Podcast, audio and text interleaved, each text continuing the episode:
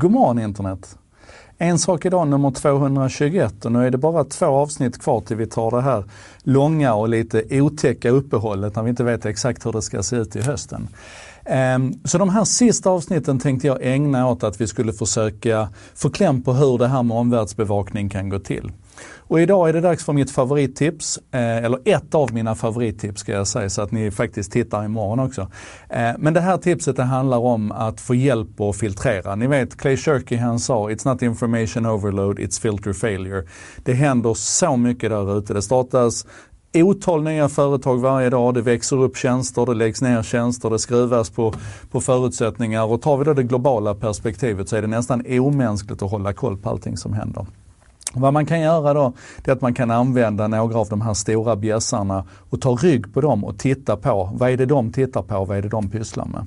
Om vi tar Google till exempel så hyllas de allmänt som ett av världens mest innovationsrika företag och de har en enorm budget som de lägger ner på research and development och det har vi pratat om tidigare. Men de köper också upp företag. De senaste 10 åren så har de köpt över 200 företag. De har gjort sex investeringar när de har gått in och köpt upp företag för över en miljard dollar. Och då säger det någonting. Det säger någonting om hur viktigt de tycker att den här nischen är när de till exempel köpte YouTube för en herrans massa massa år sedan. De såg att video var viktigt, de klarade inte av att utveckla sin egen plattform i den riktningen som behövdes. Så då köpte de Youtube.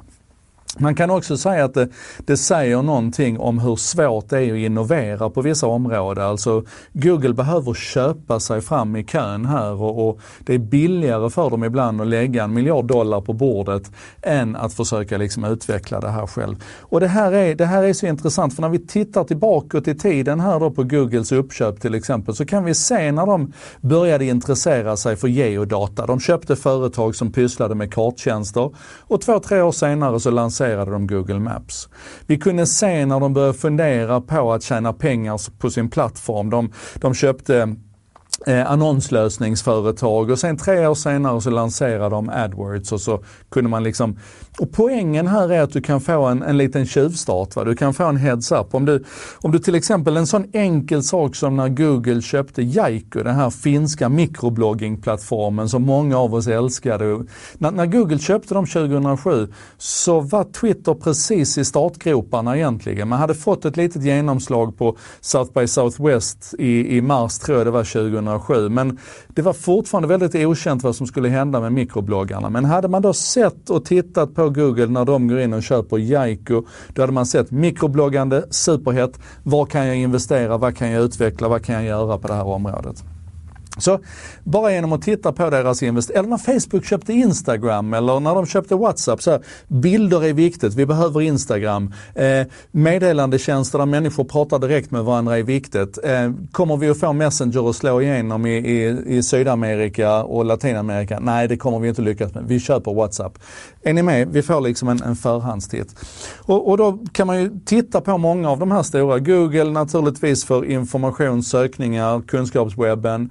Alphabet för deras moonshots, alltså de här större sakerna de tittar på. Eh, hur ska vi bota döden? Calico har vi pratat om. Eh, internet i luften via, via satelliter och, eller via drönare och ballonger och sånt har vi pratat om. Eh, vi kan naturligtvis titta på Amazon och Alibaba. Här är det intressant. Om vi vill syssla med retail och försäljning så kan vi titta på vad Amazon gör för att försöka få kläm på hur man kan bredda produktportföljen och hur man kan göra mer saker. Medan om vi är intresserade av den råa försäljningen så tittar vi på Alibaba och det som händer i öst istället. De är otroligt duktiga på att driva det. Då finns det ju naturligtvis fler här så du måste hitta de som är intressanta för dig. Är du intresserad av elektrifiering ska du kanske hålla koll på vad Uber gör och vad Tesla gör. Är du intresserad av automatisering och robotar så ska du väl hålla koll på Boston Dynamics och allting som Softbank investerar i. Håll koll på Softbank, de är alldeles för okända. Och det här kan man då göra på lite olika sätt. Man kan googla på Google Acquisitions och så, och så kommer du till en Wikipedia-sida som listar alla deras uppköp. Det finns en tjänst som heter CB Insights som hjälper dig att hålla koll på alla de här uppköpen och, och sådär. Men det handlar inte bara om uppköp utan det handlar om hela deras filosofier och strategier och så vidare.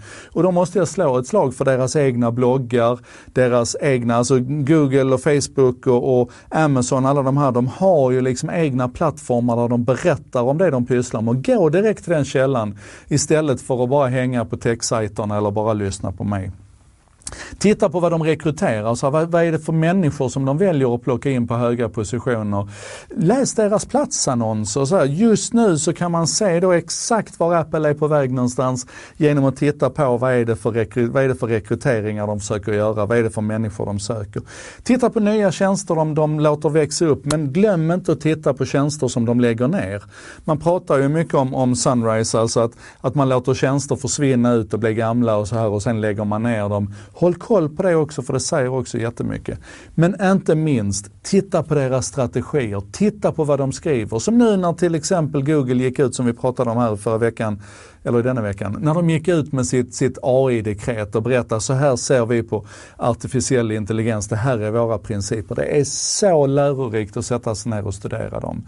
Eller när Facebook släppte ut sina interna dokument för hur man, hur man hanterar sitt community, hur man hanterar regelverket och sådär. Kolla på det. Eller läs lite böcker. Det finns en fantastisk bok till exempel som heter What would Google do?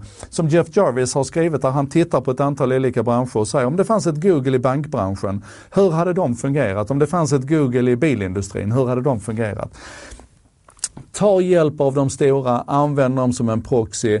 Se till att du har järnkoll på åtminstone vad de gör för någonting, för då får du en fördel framåt. Plus att det expanderar tanken lite grann. Det här var en sak idag, nummer 221. Jag heter Joakim Jardenberg. Jag producerar det här med hjälp av vännerna på Bredband2. Internetoperatören som eh, gärna lyssnar när eh, andra snackar och hjälper till att sprida det här goda ordet om varför internet är så fantastiskt. Eh, det textas och översätts av Contentor, byrån som jobbar med redaktionella texter på nätet, modern marknadsföring och, och översättningar. Så de ser till att det här finns på svenska och engelska varje dag fram emot lunch ungefär. Nu tycker jag vi ska ses imorgon igen och imorgon så ska jag ge mina allra bästa tips på de tjänster som jag använder för att omvärldsbevaka. Häng med idag, nu är det upplopp.